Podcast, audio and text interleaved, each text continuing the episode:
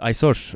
արդեն ունենք հնարավորություն զրուցելու, վերհիշելու այն ժառանգության մասին խոսելու եւս մեկ անգամ, որը թողել է իր հետևից Արմեն Բորիսի Ջիգարխանյանը, ըստիով ներկայացնում եմ կինոգետ Սիրանուշ Գալստյանին, բարի երեկո, Տիկին Գալստյան, շնորհակալ եմ, որ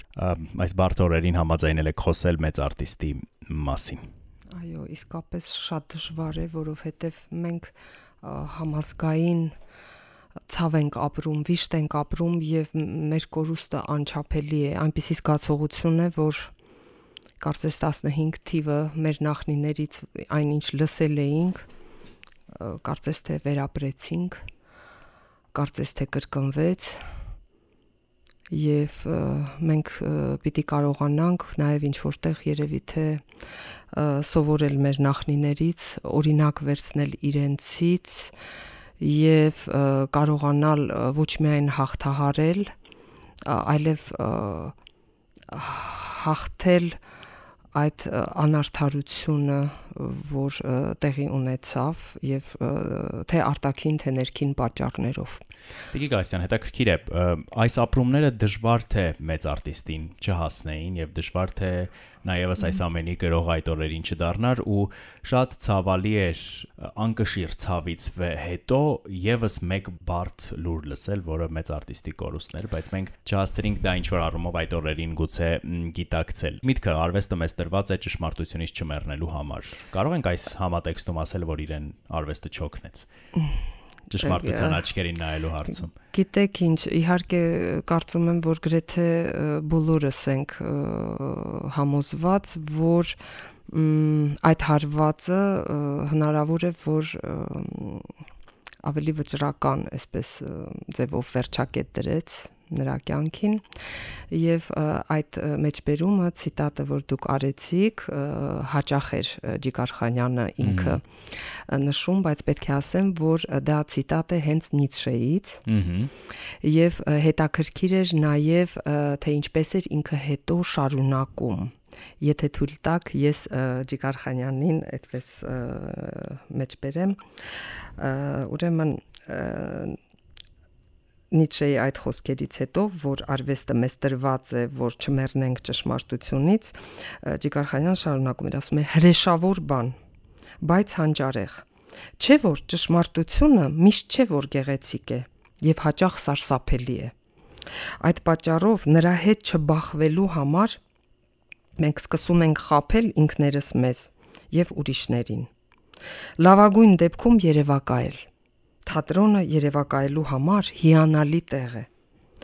Այնտեղ ես կարող եմ ինչեր ասես հնարել, դառնալ լիր արքա կամ լրիվ օտար կնոջը դիմել աղջիկս։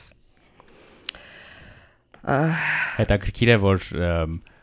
դստեր թեման գրքին կա եւ ներկա է խոսքերում իր կյանքում մարդ որ անձնական այդպիսի ողբերգություններ ապրել եւ կարողացել էր ինչ որ մի բանալի գտնել եւ գուցե հենարան հենց արվեստի աշխարհում հենց այդ նույն այդ սարսափելի ճշմարտությունից խուսափելու ինչ որ մի ձև գուցե հավասարակշռություններ գտել այդ ուրիշ աշխարհը ստեղծելով իր դերերում, իր կերպարներում կարողացել էր այդպես ինչ որ կերպ գտնել այս աշխարհում դեռ հետաքրքիր ապրելու ուրիշների համար կյանքը հետաքրքիր դարձնելու ես կասեի, որովհետև նրա խաղացած դերերը մեծ ու փոքր կարելի է հաստատապես ասել, որ հետաքրքիր են դարձրել հարյուրավոր միլիոնավոր մարդկանց կյանքեր։ Այո, նրանք նա լցրել է։ Գիտեք, Ջիգարխանյանը բեմեր դուրս գալիս, ուրեմն այդ բեմական տարածությունը լցվում էր կարծես իր բովանդակությամբ։ Ահա կինո ես նայում, ֆիլմ ես նայում, ինքը մտնում է կադր եւ այդ կադրը լցնում է իր բովանդակությամբ։ Եթե ինչ որ դեր պետք է խաղա, ուրեմն անպայման այդ այդ մի քանի այսպես շերտ կա նրա դերասանական արվեստում տեսեք մի դեպքում կարող ենք ասել, որ ինքը այսպես կարծես լցվում է այդ կերպարով, բայց մյուս կողմից հակառակը նրա եսը շատ գերիշխող է անznավորված են նրա խաղացած դերերը իսկույն ճանաչելի այսինքն ինքը կերպարանափոխվում է արտակուրս չփոխվելով բայց միևնույն դեպքում միևնույն ժամանակ ուրեմն կերպարանափոխվում է ուրիշ մարդ է դառնում բայց արտակուրս կարծես չփոխվելով։ Պատահական չի, որ բնականության այդ աստիճանը, որտեվ ամեն կերպարանափոխման մեջ ինքը ոչ մի կաթիլ իր բնականությունից չի կորցրել միևնույն ժամանակ։ Դա անհամատեղելի բան է, այն որ կարծես երկու ծայրահեղ բան, որ անհնար է իրար հետ համատեղել, իր մոտ դա շատ հանգիստ է ստացվել, միշտ բնական եւ պատկերացրեք, որ Ջիգարխանյանը այ այդ ձևով կերպարները ստեղծելով ինքը պատահական չի որ Ժանգաբենի հետ են իրեն այդքան համեմատել այդ բնականության այդ աստիճանը իրեն այդպես ասել են ասում էին նаш սովետский գաբեն իր դիապազոնը իր ժանրային բան ոչ մի սահմանափակում չկա Ջիգարխանյանի համար եւ միշտ աբսոլյուտ հավաստիություն այդ ինչ դիտողականություն է ունեցել բացի վարպետությունից բացի իհարկե այն դասերից, որ ինքը ստացել է, իսկ այստեղ երևի ճիշտ կլինի, որ մի փոքրիկ այսպես կենսագրական, հա, անդրադարձ անենք ռուսական միջավայրում ներողություն, ռուսալեզու միջավայրում Երևանում ծնված եւ իր մայրը, որ Սովմինում է աշխատելիս եղել, այդ շատ թատերասեր անձնավորություն եւ օպերա հաճագնացող։ Այդ ամեն ինչը փոխանցվում է եւ ինքը Ջիգարխանյանը շատ տարված էր թատրոնով եւ երազում էր խաղալ եւ գնում է գիծիս ընդունվելու Մոսկվա, այնտեղ չեն ընդունում, ինչ որ հայկական կոկորտը, այսպես պատճառ է դառնում, բայց հետագայում ինքը կարծես հաղթեց իրենց բոլորին, որովհետեւ հենց այդ հայկական կոկորտը մի կողմից իր առանձնահատկությունն էր, մյուս կողմից իր տաղանդը իրեն թույլ էր տալիս խաղալ ամեն ազգի հերոսի, այդ թվում ռուսական կլասիկայից մինչև ժամանակակից ռուս հերոս, թեև իր արտակինը, ասենք, հա, հայկական ներկայությունը բավականին, այո, եւ Ջիգարխանյանի ժպիտը այդ առանձին այդպես ոնց որ թեմա լինի նրա իմաստությունը այդ բոլոր այդ հարցազրույցներում, որ ինքը շատ հարցազրույցներ է տվել եւ ընդ որում իր հետ միայն կինոյի կամ թատրոնի մասին չի որ խոսում էին հենց ակնկալում էին կարծես այո այդպես իմաստուն մարդու զրույցներ էին դրանք դառնում ինքը շատ յուրահատուկ եթե դուք ուշադրություն եք դարձրել այդ ինտերվյուների ժամանակ ինչպես է ինքը իրեն պահում շատ հետաքրքիր է ասենք իրեն երբ որ հարցը տրվում է ինքը ուղիղ չի պատասխանում գրեթե ոչ մի հարցի ասացի, ինքը շատ յուրահատուկ գեղարվեստական, այսպես այլաբանական ձևերով է միշտ պատասխանում։ Հիշեցի մի անգամ հարցրել են դուք երջանիկ եք, ասել այ հիմա ես շատ պատմություններ կպատմեմ, դրանից հետո դու ինձ ասա, ես երջանիկ եմ, թե ոչ, ծանր պատմություններ բնականաբար, բայց հետաքրքիր է, ինչպես նշեցիք, այդ բազմաթիվ ծանր ու դժվար օրերից պատմությունների պատմություններից անդին մարդ է, ով իսկապես իրեն համարում էր երջանիկ ամեն դեպքում։ Մենք կարող ենք այդտեղ կենսասիրության ու կյանքը շատ-շատ սիրելու հանգամանքը տեսնել եւ գուցե դրանով էր պայմանավորված իր այդքան կերպարների կերպարներով այսպես հեշտությամբ անցնելու եւ դրանց հեշտությամբ տրվելու Ես շատ լավ հետաքրքիր հարց եք տալիս, որը թույլ է տալիս, որ ես կապեմ Ջիգարխանյանի էությունը եւ նրա մարդկային տեսակը մեր նախնիների հետ։ Ես համոզված եմ գրեթե, որ դա նախնիներից ժառանգած կենսասիրություն է, որովհետեւ մենք տեսել ենք այդ սերնդին որը վերապրել էր Եղեռնը, բայց կենսասիրություն, երջանիկ լինելու ոչ միայն ձգտում, այլև կարողություն են ունեցել եւ այդ մարտիկ էին եւ իրենց երեխաներն ու թորներն էին, որ գաղթականների, այսինքն այդ սերնդից դուրս եկան ինչքան համաշխարային նշանակության գիտնականներ, թե հայրենիքում, թե Սփյուռքում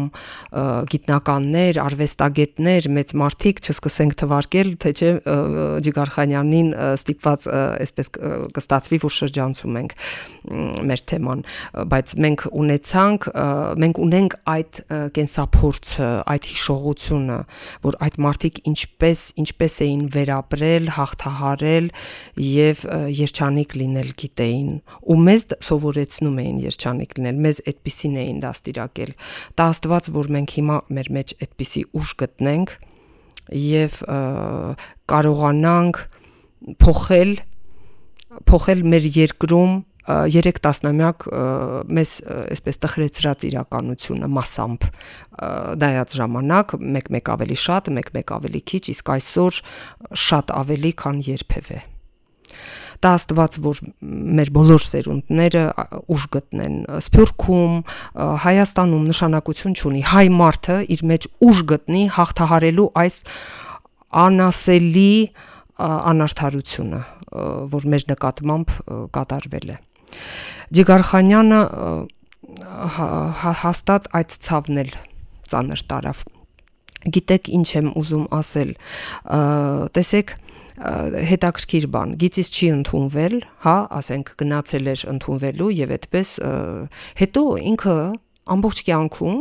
առիթը բաց չէր թողնում, որ շնորհակալ լիներ այն մարդկանց, որոնք իրեն չէին ընդունել։ դռները փակել են։ Այո, եւ ասեմ ինչու, շատ հիմնավոր պատճառ եւ տեսեք այդեղ ինչ հետաքրքիր ձևով իր հայկականությունը դրսևորելու առիթ էր ինքը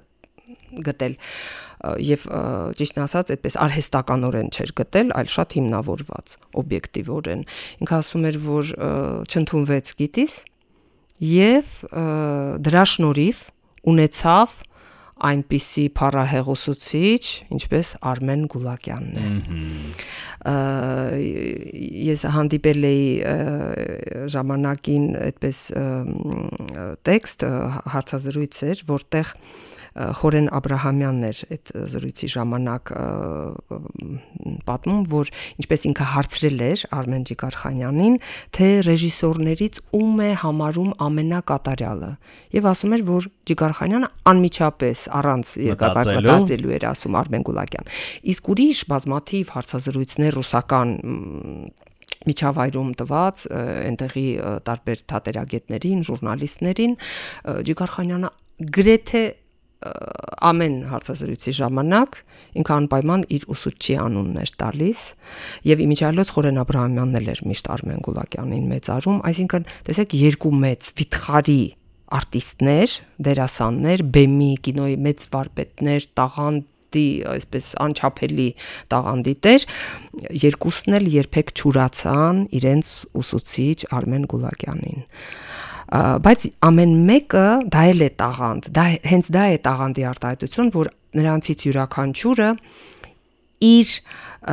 եսի այսպես մեջ էր կարողանում գտնել այն արտահայտչամիջոցները եւ այն դասերը, որոնք ստացել էր ուսուցչից Ջիգարխանյանի դեպքում ինչպես էր դա դրսևորվում Արդյոք հայկականության էլի դիմագիծը պահելու Գիտեք ինչ, շատ հետաքրքիր է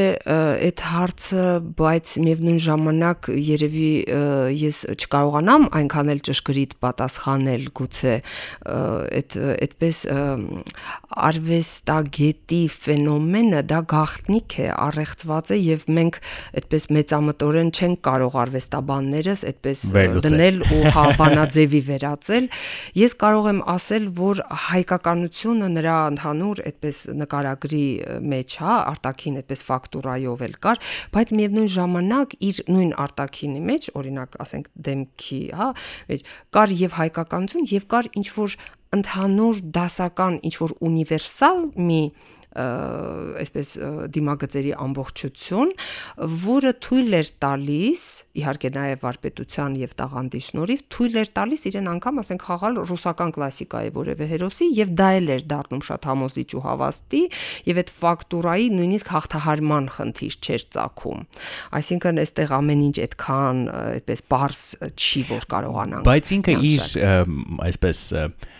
ինքնությամբ իսկապես հպարտանում էր եւ չէր դադարում դրա մասին խոսել, չէ՞, շատ են ասում, որ անգամ մարդկանց անընդհատ ասում էր գնացեք հայկական ռեստորան, օրինակ հայկական խոհանոց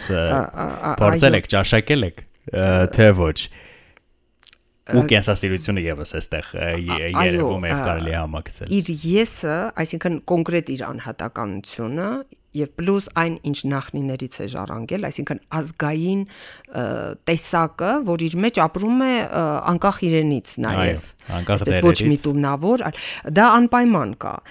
Իմիջիալոց դրանով պայմանավորված է նաեւ այսպես առհասարակ իր աչքի ընկնող տարբերությունը հենց նույն ասենք ռուսական այդ փայլուն պլեյադան որ կար այդ բույլը նույն այդ տարիները դրանք վերելքի տարիներ էին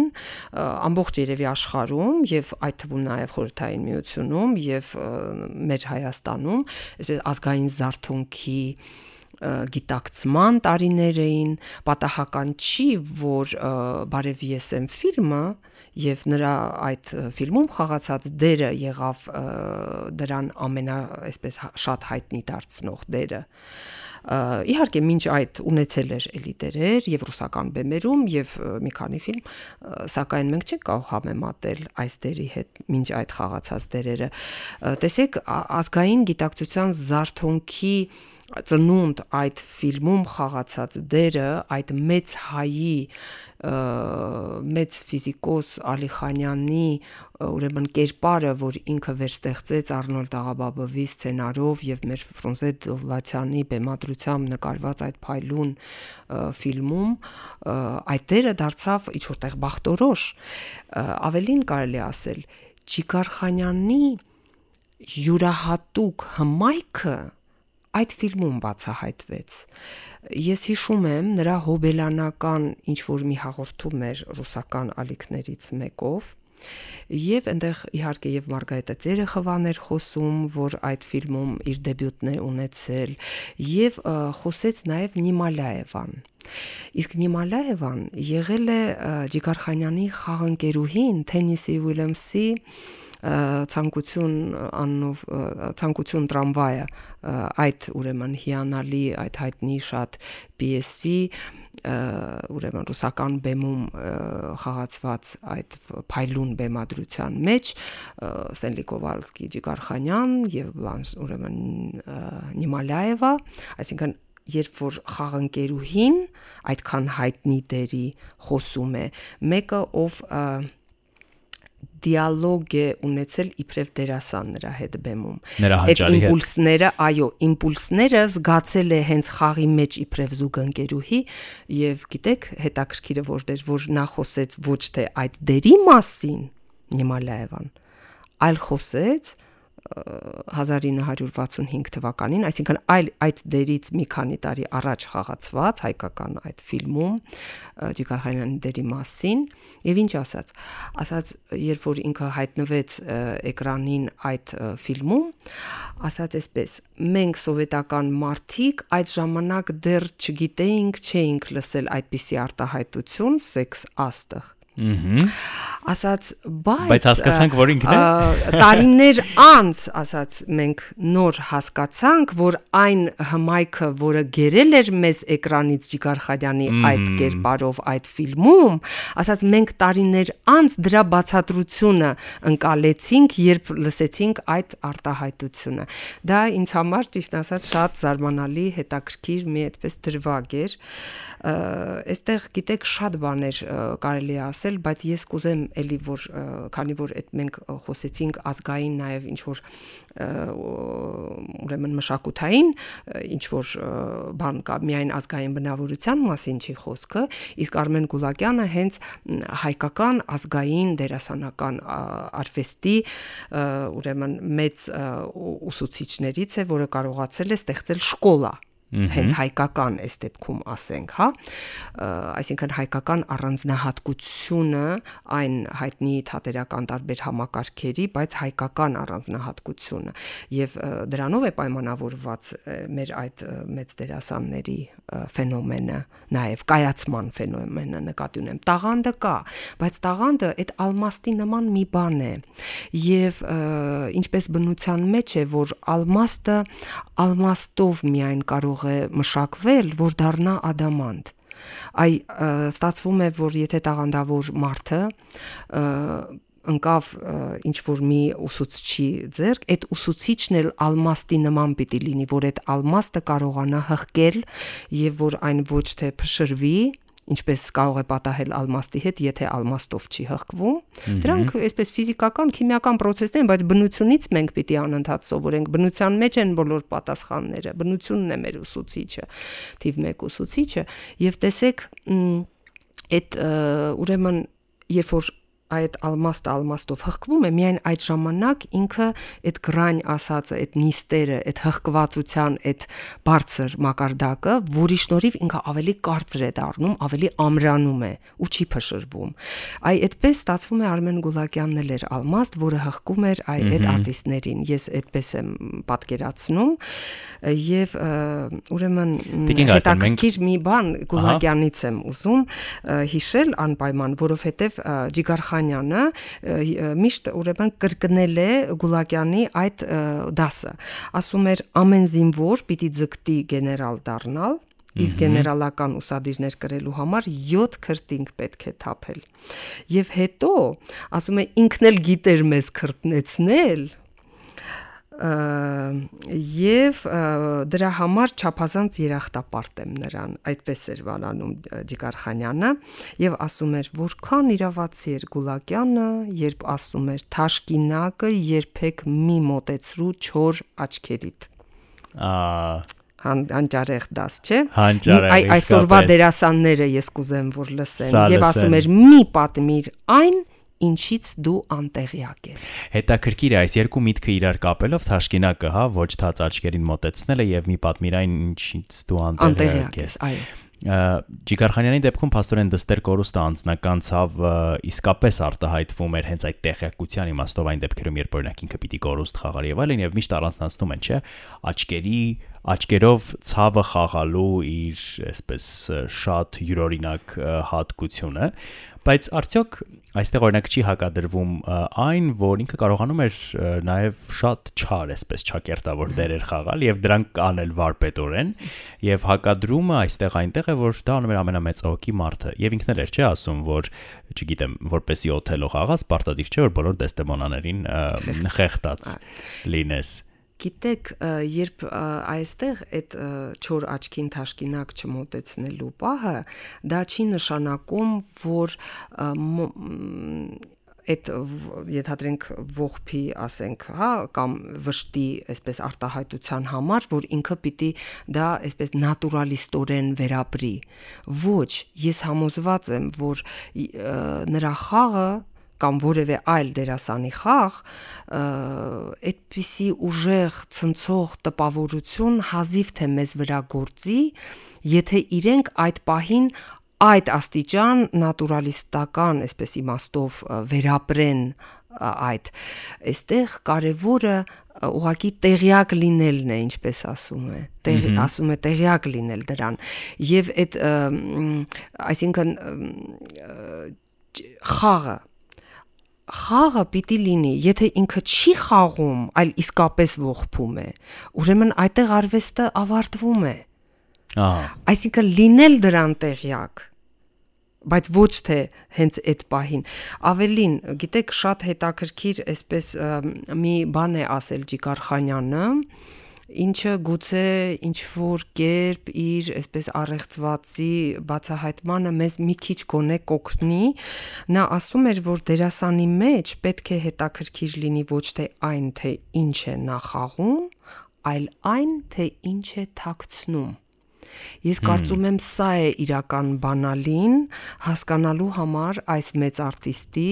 եւ շատ ուրիշ էլի մեծագույն արտիստների ֆենոմենը ինձ թվում է սա բանալի է որ մեզ պիտի օգնի հասկանալ թե ինչպես է իրենց հաջողվում կերպարանափոխվել Ինչ են իրենք թաքցնում։ Այո, այո, ոչ թե այն ինչ են, այո, ուրեմն խաղում, այլ այն թե ինչ են թաքցնում։ Սա բանալի է երևի, քանի որ իր տված բանալին է, ես կհամարցակվեմ դա այսպես անվանել ինչ որ մի բանաձև, որը պիտի օգնի մեր նոր սերնդի դերասաններին խաղալիս եւ վերլուծաբաններին էլ վերլուծելիս խաղը այո, մենք պիտի կարողանանք լինել ժամանակակից, բայց երբևէ հողը մեր ոտքի տակից չկորցնելով, որովհետև առանց այդ արդեն դասական որովհետև մենք տեսնում ենք, որ թե ինչքան ինքն է նույն ձևով ամուր կանգնած եղել այդ նախնիների ուրեմն թողած այդ ամուր հողի վրա այդ հողը բեմը կլինի, արվեստը կլինի, թե մեր պատմությունը կլինի, այդ բոլորը միասին, այսինքն պետք է դիտարկել։ Մենք չենք կարող ինչ որ մեկին այդպես կոնտեքստից փոկել ու այդպես առանձին դիտարկել, այդպես չի լինում։ Գենետիկան այնքան հզոր բան է, դա հնարավոր չի փոխել, չգիտեմ, ջնջել։ Կամ արհեստականորեն ստանում։ Այո, կան մարդիկ, որոնք շատ հեշտ իրենք են հա, համաձայնում մեր ժամանակներում, այս վերջին 10 տարում մենք դա շատ ենք տեսնում, իրենք իրենց հոժարկամքով գենային մոդիֆիկացիայի են ենթարկվում։ Այդ ուրիշ բան, բայց ես արդեն գենային մոդիֆիկացիայի ենթարկված ոչ սնունդը, ոչ մարդկանց չեմ կարողանում ընկալել եւ ընդունել։ Իհարկե, իսկապես։ Տիկին Գասյան, Ջիգար Խանյանի բրենդի մասին խոսենք, եթե կարելի է նաև այդպես նման որակում տալ, որովհետև սկսած ձայնից, որը անհնար է պարզապես չճանաչել հազարավոր ձայների մեջ, ավարտած իր կերպարով եւ կան չէ մարդիկ, որոնք բրենդ են ի վերջո միայն հակոստի բրենդեր չեն լինում, նաև մարդկանց բրենդեր են լինում եւ Ջիգարխանյանին երևի թե կարելի է այդ շարքը դասել գիտեք, այնքան հետաքրքիր բան կա իր ձայնի հետ կապված։ Ինքը իր եւ արտիստական դիապազոնը եւ մարդկային դիապազոնը սահման չուներ եւ ձայնը լինելով խիստ առանձնահատուկ միևնույն ժամանակ ինքը կարողանում էր այդ ձայնի վրա էլ այդպես աշխատանք անել ինչ որ տեմբրային այսպես օկտավային ինչ որ փոփոխությունների ենթարկել օրինակ բերեմ կան վավերագրական ֆիլմեր որտեղ ինքը այդ կադրից դուրս հեղինակային տեքստ, որ ասում ենք, այդա կարդում է։ Եթե դուք մի քանի այդպիսի վավերագրական ֆիլմ տարբեր նայեք, դուք կտեսնեք, թե ինչքան տարբեր կերպ է ինքը դա անում եւ յուրաքանչյուր դեպքում կարողանում է, այսպես ասենք, նաստրոյկա անել, հա, ձայնը այդպես հա հարմարեցնել, այն ոնց որ տեխնիկապես մենք բասերը, բաները, չէ, որ ինչ որ ձայնի ինքը այդ նույնը անում է իր ձայնի հետ, այսինքն այդ գործիքին կատարելապես տիրապետել է այդ գործիքին։ Հիմա հիշեցնեմ հրաշալի ֆիլմը Ռուբեն Գևորքյանցի, որ նվիրված էր Փարաջանովին վերջին կոլաժը այդտեղ այդ ուրեմն Ջիգարխանյանի այդ ընթերցած ուրեմն հեղինակային հա տեքստը պետք է այդ լսել կամ հետո վերցնենք դրանից տարիներ առաջ խաղացած հանճարեղ մի դերակատարում մուլտֆիլմում ձայնի ձևով կարճկար ապրում էր մի շուն, հա, այդպես ժուբլ պիոս, այդպես էր կոչվում, չէ՞։ Դուք այսպես հələ փորձեք մի հատ ուղակի հատուկ միայն ձայնը ճիշտը որ ասեմ այդ մուլտֆիլմը իհարկե շատ լավն է բան չունեմ ասելու բայց եթե Ջիգարխանյանի ձայնը չլինի երբեք այդ չէր մնա սերունդների գիտակցության մեջ եւ մինչ օրս այդպիսի տպավորություն չէր գործի անհնար է պատկերացնել որ ձայնի մեջ միայն կարելի է այդքան ամբողջական կերպար ստեղծել եւ դա իրեն հաջողվել է գիտեք մի քանի այդպես դրվագներ միաժամանակ է հիմա այսպես հիշողության մեջ արտնանում ու չգիտեմ ինչ մոնտաժային հերթագայմամբ հա այդ դրվագները ներկայացնեմ երևի թե ճիշտ կլինի նախ այսպես հիշեմ էլի հոբելյանական իր մի հաղորդում էր, այսինքն իր հոբելյանին նվիրված եւ այդտեղ շատ հետաքրքիր բան ասաց Կարեն Շախնազարովը դարձյալ մեր հայրենակից ռեժիսոր, որը այդ ֆիլմը 1991 թվականի ֆիլմ է, որ ինքն է նկարել Ցարե ուբիցա, արքայասպանը այնտեղ իհարկե գլխավոր այդ հերոսին խաղացել է Օլեգ Յանկովսկին, սակայն այնտեղ երկու եւս շատ կարևոր հիշարժան դերակատարումներ կան։ Մեկը Արմեն Ջիգարխանյանն է, մյուսը Մալկոմ Մակդաուելը դե այդ դերասանի մասշտաբը կարծում եմ, որ պետք չի հիշեցնել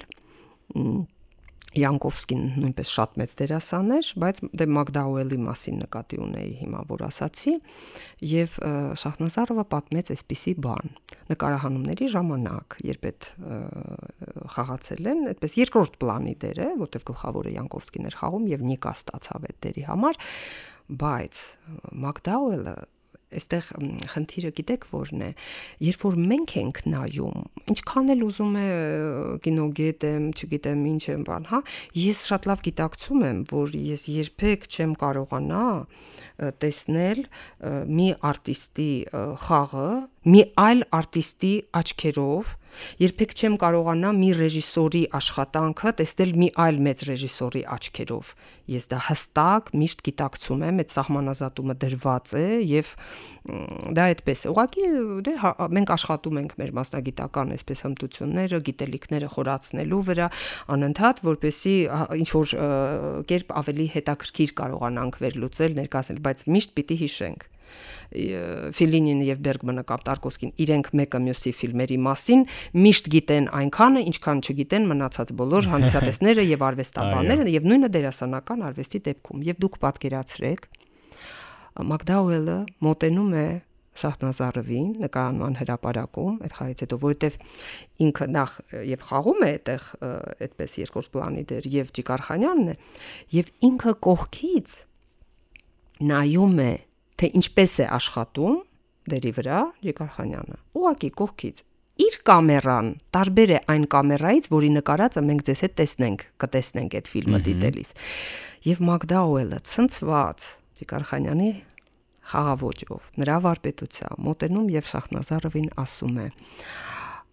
իսկ դուք գիտեք, որ նա ձեր այդտեղ նկատի ուներ ռուսական միջավայրի, հա, ասում է ձեր մեծագույն դերասանն է եւ աշխարհում մեծագույններից մեկը։ Սա պատմեց Շախնազարովը այս այդպես մի դրվակ կարևոր որ կուզեի որ մարդիկ լսեին իմանային եթե անգամ այդ հաղորդումը չեն դիտել ապա գոնե այս մի պատարիկը հա մի ուրիշ բան հիշեցի մենք ես կինոգիտականում դեռ սովորում էի, չէի ավարտել եւ այդպիսի մի բարեհաճություն եղավ Ջիգարխանյանը Հայաստանում էր, ընդ որում նաեւ ներկայացում երկու բախտ ունեցանք տեսնելու այնտեղ Բեկետ էր խաղում եւ իհարկե Մոցարտ Իսալիերի եւ ինքը Սալիերի էր բնականաբար դե ինքը մտածող դերասանի տեսակ է երբ Կոնչարովը Սոկրատ Սոկրատեսի դերը տվել էր Ջիկարխանյանին, իսկ դա նրան շատ հայտնի դարձրեց թատրոնում, հա, ռուսական բեմում, եւ անխոս դա ֆանտաստիկ ուղակի, այսպես էպոխալ, հա, դարակազմիկ նշանակության դեր է եղել ոչ միայն Ջիկարխանյանի կյանքում, այլև ռուս թատերական կյանքում։ Եվ պետք է ասել, որ հենց Գոնչարովը ասել էր, որ ինքը ընտրել է իրեն, որտեվ իրեն պետք էր մտածող դերասան, բայց ինքը Ջիկարխանյանը ասում էր, բայց ես փիլիսոփա դերասան չեմ։ Տեսեք, հետաքրքիր իրեն իմաստուն էին, հա, ինքը ասում է, չէ, ես փիլիսոփա չեմ, ասում էր Յակլոն ասում էր ես ծաղրածու եմ իհարկե հիշենք Յենգի բառին եւ ինձ համար կոնե ծաղրածու բառը ասոցացվում է այդպիսի մեծության մարդու հետ եւ ինչպես Յենգի բարյանն է եւ այս դեպքում Ջիգարխանյանն էլ գալիս է նրա կողքին որտեվ ինքը իրեն անվանում էր ծաղրածու եւ հիմա տեսեք մեր ինստիտուտում այդ դահլիճում հանդիպում ուսանողության հետ կարելի է ասել, որ այդպիսի օրերին, այդպիսի հանդիպումների ժամանակ արվեստասեր մարդը ուրիշ տեսակ, բայց դարձյալ երջանկություն է ապրում։ Եվ ինքը շատ հետաքրքիր էր պատասխանում, ինչպես միշտ հարցերին իրեն մեկը վեր կացավ երեխաներից մեր եւ հարցրեց, ասաց. իսկ ինչպես եղավ ձեր այդ Մոսկվա գնալը։ Այսպես փախուստի ակնարկ կար էլի այդ հարցի մեջ։ Ինքը շատ հանգիստ եւ լուրջ, բայց հումորով ասաց պատասխանեմ կարճ ու միանգամից, ասաց ոչ մի կրիմինալ չկար։ Այդ փախուստի մեջ, տեսեք։ Հաջորդ բանը, երբ զուտ այսպես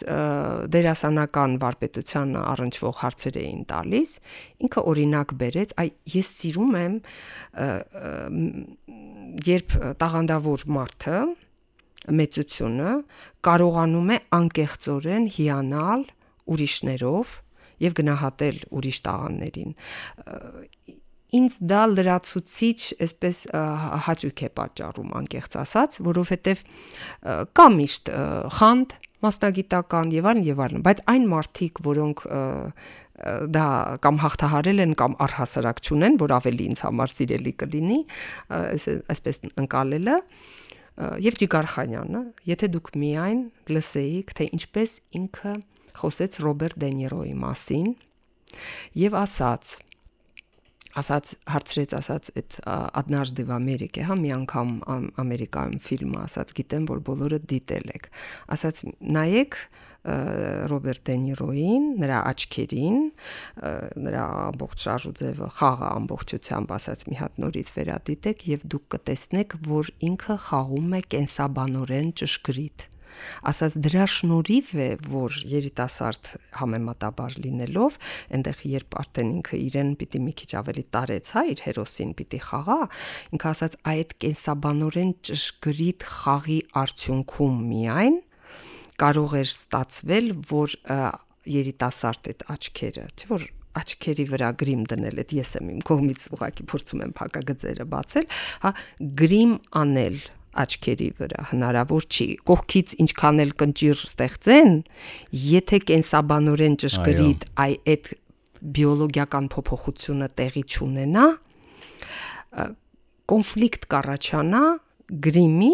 եւ երիտասարդ աչքերի միջև ծերացած ծերացնող գրիմի եւ աչքերի միջև եւ այ այդ դա մի մեծ դաս էր որ Ջիգարխանյանը այդ պահին փորձեց փոխանցել։ Այ դա մաստեր կլաս էր իսկական։ Հետո շատ տպավորվել է նրա այդ նույն այդ հանդիպման ժամանակ նրա ասած հետեւյալը շատ բան իհարկե ասած, բայց այդպես ամենայեսպես հիշված բաները, հա, ես փոխանցեմ, որ շատ կուզեմ, որ երիտասարդները այդ մասին իմանան, որտեվ այդ մասին չգիտեմ, նկարահանված է այդ հանդիպումը, թե ոչ, առհասարակ իրենք երբևէ ինչ որ մեկը գրել է, թե ոչ, որ լսեն, բայց պետք է որ հատկապես դերասանները իմանան եւ իհարկե արվեստասերները։ Ինքը ասաց բացատրեց, փորձեց բացատրել, թե ինչու Շեքսպիրյան խաղացանկը հայ դերասաններին այդքան լավ է տրվել ինքը նշում էր նախնիներին իր մասնագիտական առումով, այսինքն մեր հայ բեմի մեծ վարպետ եւ բացատրեց, այնպիսի մի բացատրություն տվեց, որ ես ուրիշ ոչ միտեղ նման բան չեմ լսել, չեմ հանդիպել անկեղծ ասած եւ դա հիանալի մի բան էր մի աշխարհ էր ուղակի բացում ասաց մենք հայերս ունենք բարթույթներ ունենք եւ ասաց բայց այդ բարթույթը ասաց ոչ թե թերարժեքության, այլ լիարժեքության բարթույթ է։ Ահա, շատ հետաքրքիր, շատ նուրբ դիտարկում։ Ահա, եւ ասաց այ այդ բարթույթների այդ կուտակումը թույլ է տալիս, որ մենք կարողանանք օրգանապես ճշգրիտ այդ լիարժեք կերպարները շեքսպիրյան կերպարների մեջ։ Ես նույնիսկ հիմա այդպես զուգահեռ իմ մոտ այդպես հուշարտնացավ Ալադիմի դվան մեծ դերասանուհի ռուս մեծ դերասանուհի դարձյալ մեզ մոտ այդպես հանդիպում էր թատերական գործիչների միությունում էր իր հետ հանդիպում եղավ նույն այդ տարիներն էին մենք շատ հետաքրքիր մարդկանց հաջողվեց եւ տեսնել բեմի վրա չնայած թվում է որ իհարկե մեծ անցյալը մի քիչ ավելի անցյալում էր ու մենք դա չհասցրինք, բայց գոնե այն վերջին այդպես այդ մեծերից մի քանիսին հասցրինք բեմի վրա տեսնել Փարքաստո։ Եվ Դիմիդովան հայ հանդիսատեսի մասին խոսեց եւ այդ նույն Շեքսպիրյան այդ դերակատարությունների մասին մեր ինքը ինքը այսպես բացատրեց ասած մեզ մոտ, ասած ռուսներից մոտ ավելի դրամայի է վերածվում, ասենք Շեքսպիրյան նույն ողբերգությունը ասած իսկ ձեր ժողովուրդը, որը այդքան դժվար պատմություն է ունեցել, ծանր, ասած ձեզ մոտ ողբերգությունը չի փոխվում դրամայի չի վերածվում դուք ամբողջությամբ այդ ահագնացող այդ էպիկական այդ ամբողջ այդ բանը կարողանում եք էլի պահել եւ փոխանցել շատ հետաքրքիր էր էլի, բայց այդ լիարժեքության բարթույթը Ջիգարխանյանի ասած, դա այնքան ուրիշ նաև բաներ է բացատրում, երևույթներ մեր իրականության մեջ, ոչ միայն արվեստում։ Դա նույնպես մի բանալի է, որ Ջիգարխանյանը տվեց իր այդ ուրեմն մեր Երևանի թատրոնի եւ կինոյի պետական ինստիտուտում ունեցած իր այդ հանդիպում մաստեր կլասի ժամանակ որ անմոռանալի է։ Անմոռանալի է ամբողջ ուղին, թերևս դերասանի եւ այն բոլոր դերերը, որ հասցրեց կերտել 85 տարիների ընթացքում, եւ պետք չէ մոռանալ ժառանգությունը եւ դիմագիծը, ներկայությունը, հայկականությունը, ինքնությունը, որի գրողներ Ճիգարխանյանը եւ պետք է արժանի ժառանգները լինել այդ ամենի հիշենք միայն այսպես տեսեք շատ այդպես մենք չէինք կարող չէ այսօր ուղակի թվարկել նրա խաղացած դերերը որովհետև ինչպես գավթներ ասել որ դերերը որ խաղացել է Ջիգարխանյանը ավելի շատ է քան հայեր կան աշխարհում հայ պատահական չի ռեկորդային թվով այո այդպես բայց գիտեք շատ հետաքրքիր է ասենք այդ ինտելիգենտ գիտնական ֆիզիկոսի այդ դերով այդպես իր հաղթարշավը հա կինո էկրանին սկսած Ջիգարխանյան Սարգսյանը ինչ համոզիչ ինչպիսի աբսոլյուտ հավաստիությամբ կերտեց ռազմիկի դերը մենավոր ընկուզենիում նույն Ֆրունզե Դովլացյանի գիտեք այդպես խաղալ Երևանում ծնված մեծացած, հա, հայ մարդը այդպես խաղալ հայ գյուղացու դեր, հələ հիշեք ինչպես էր ինքը հողի ջերմությունը չափում, այդ շարժումների հավաստիությունը, նրա նույնիսկ երբ որ ինքը այդպես գրեհիկ կպչուն բարեր է օգտագործում, այնտեղ ինչ որ ջահել կնոջ, այդպես դուք հասկանում եք անհնար է պատկերացնել այդ դիապազոնը այն ֆիզիկոսից Ալիխարյան Մանվելյան մինչև այդ ռազմիկը եւ այդ ռազմիկի կերպարը ուղակի ես չգիտեմ իմիջիալոց հա ասեմ մի դերել կա որ ամեն դեպքում պիտի հիշատակենք որովհետեւ շատ ազգային մենք գոնե առանձնացնենք հա այդ ազգային այդպես այդ երկու դերերից բացի եւս մի դեր Քյոսայանի ֆիլմում երբ գալիս է սեպտեմբերը Ես վստահ եմ, մեր հայրենակիցների մեծ մասը չգիտի թե այդ ֆիլմը Բելգրադում 1977 թվականին ներկայացված լինելով ինչ գնահատականի է արժանացել Արմեն Ջիկարխանյանի խաղը։ Գիտեք ինչու, որովհետև սովետական տարիներին այդքան չէին նշում դրսում ստացած մրցանակները այդպես։ Ու ասենք դա այդպես ավելի նեղ մասնագիտական այսպես բանում էր մնում, Իսկ դե այս տարիներին էլ այդպես շատ չեն փորփրում մարդիկ անցյալը։ Իրենց ավելի շատ հետաքրքրում են մեր օրերի, այսպես ինչ որ աստղեր, ինչ որ անիմաստ իրենց կենսագրական մանրամասներով եւ այլն եւ այլն, բայց բայց նրա մրցակից եղել էին Ջեք Նիկոլսոն։ Ահա այնտեղ մի խոսքով այդպես լուրջ մրցակիցներ էր ունեցել ես այս պահին կդժվարանամ բանանել բայց կար մի վավերագրական ֆիլմ ես ուղղակի վավերագրական ֆիլմեր էի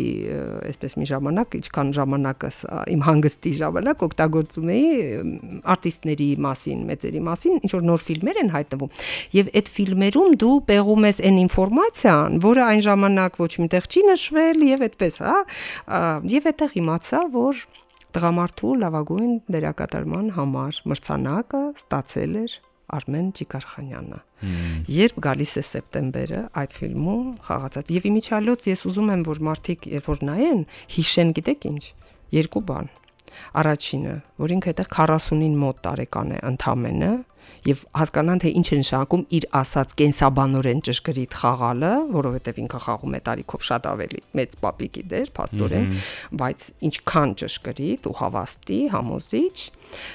ավելի հեշտ է տարիքով մեծ մարդուն խաղալ մի քիչ ավելի երիտասարդի որտեվ ինքը արդեն ունի կենսափորձ եւ հիշում է. Քան կարողանալ տարիներով առաջ ընկնել ճանենալով դեռ տարիքով մարդու տարեց մարդու կենսափորձ եւ խաղալ այդտեղ հանճարեղ մարդիկ միայն կարող են այդ դաշտը մտնել եւ իհարկե Ճիգարխանյանը շատ վստահ քայլում էր այդ դաշտում եւ երկրորդ բանը. Այդ ֆիլմում Լաուրա Գևորգյանի հետ միասին Էդմոն Քյոսյանի կնոջ, որին ես շատ-շատ հարգում եւ սիրում եմ նույնպես, հայր ու աղջիկ են իրենք այդտեղ խաղում այն դեպքում երբ տղամարդիկ ֆիլմում խաղում էին ամուսիններ տեսեք այ ինչ թռիչք ժամանակային կարող էր խաղալ Ճիկարխանը այդպիսի դիապազոն ուներ եւ պատկերացնում եք դա ուղղակի ապշելու բան է, բայց ես պիտի ասեմ, երևի այսօր դա շատ կարևոր է, որ մարդիկ իմանան, շատ ամոթալի բան է, բայց պիտի ասեմ։ Այդ ֆիդայիններ, ջան ֆիդայիններ, ձեր մայրերը, ձեզ ուրբան, որ մեր բոլորի համար դա մեր արյան գենետիկայի, այսպես մեր բջիջներում է այդ երգը իրականում հայ մարդու ուրեմն հերոսաբար այդ սովետական 77 թվականին Էդմոն Քյոսյանը ֆիլմում ուզել է որ խոհանոցում հայր ու աղջիկ այդ երգը երգեն եւ բնական է որ Մոսկվայում կամ ամբողջ խորթային միությունում ոչ մեկի մտքով չէր կարող անցնել թե ինչ բովանդակություն ունի այդ երգը եւ մեր ազգային գիտակցության համար ինչ նշանակություն ունի եւ գտնվել են մարդիկ, որոնք անոնիմ անանուն նամակներ են Մոսկվա գրել այստեղից արդյունքում արդյունքում նույն այդ ֆիլմը, ասենք գնացել է իհարկե Բելգրադ, բայց առանց ռեժիսորի Էդմոն Քյոսանը դարձել էր այդ որ ասում էին նևույեզդնոյ, այսինքն իրեն թույլ չէին տալիս։ Իր ֆիլմերը գնում էին, մրցանակներ էին ստանում, փառք էին բերում խորհրդային կինեմատոգրաֆին, բայց իրեն ելք չկար ինքը չէր կարող գնալ։ Դա արել են իհարկե միայն մեր հայրենակիցները կարող էին այդ գախտնիկը փոխանցել Մոսկվա, որ այդ ֆիդայներ երկը ինչ երկ է։ Գրել էին այսպես, որ գերոյ Իգրայինյան исполняют националистическую песню։ Այսպես։ Այ այդպիսի վատ դրսևորումներից երբ մենք կարողանանք ազատագրվել, մենք մենք անպարտելի կլինենք բոլոր ասպարեզներում։ Ես համոզված եմ։ Մեր միջի, չասեմ ինչ ազգության թշնամուն մեր միջի պիտի մեր միջից դուրս մղենք ինչ որ կերպ հուսով եմ իմ իմաստուն ժողովուրդը ինչքան որ Ջիգարխանյաններ իմաստուն այդ մեր ժողովուրդը շատ-շատ օրինակներ է ունեցել այդպիսի եւ ես հուսով եմ որ մենք դա էլ կհաղթահարենք հիմա այս օրհասական պահն է որ պետք է ձերբազատվել այդ արատից եւ անպարտելի կլինենք։ Շնորհակալ եմ շատ Տիգին Գալստյան։ Արծազրույցի համար մեր տաղավարում էր կինոգետ Սիրանուշ Գալստյանը միասին հավաքեցինք մեծ դերասան Արմեն Ջիգարխանյանի դիմանկարը։ Պինդ մնացեք։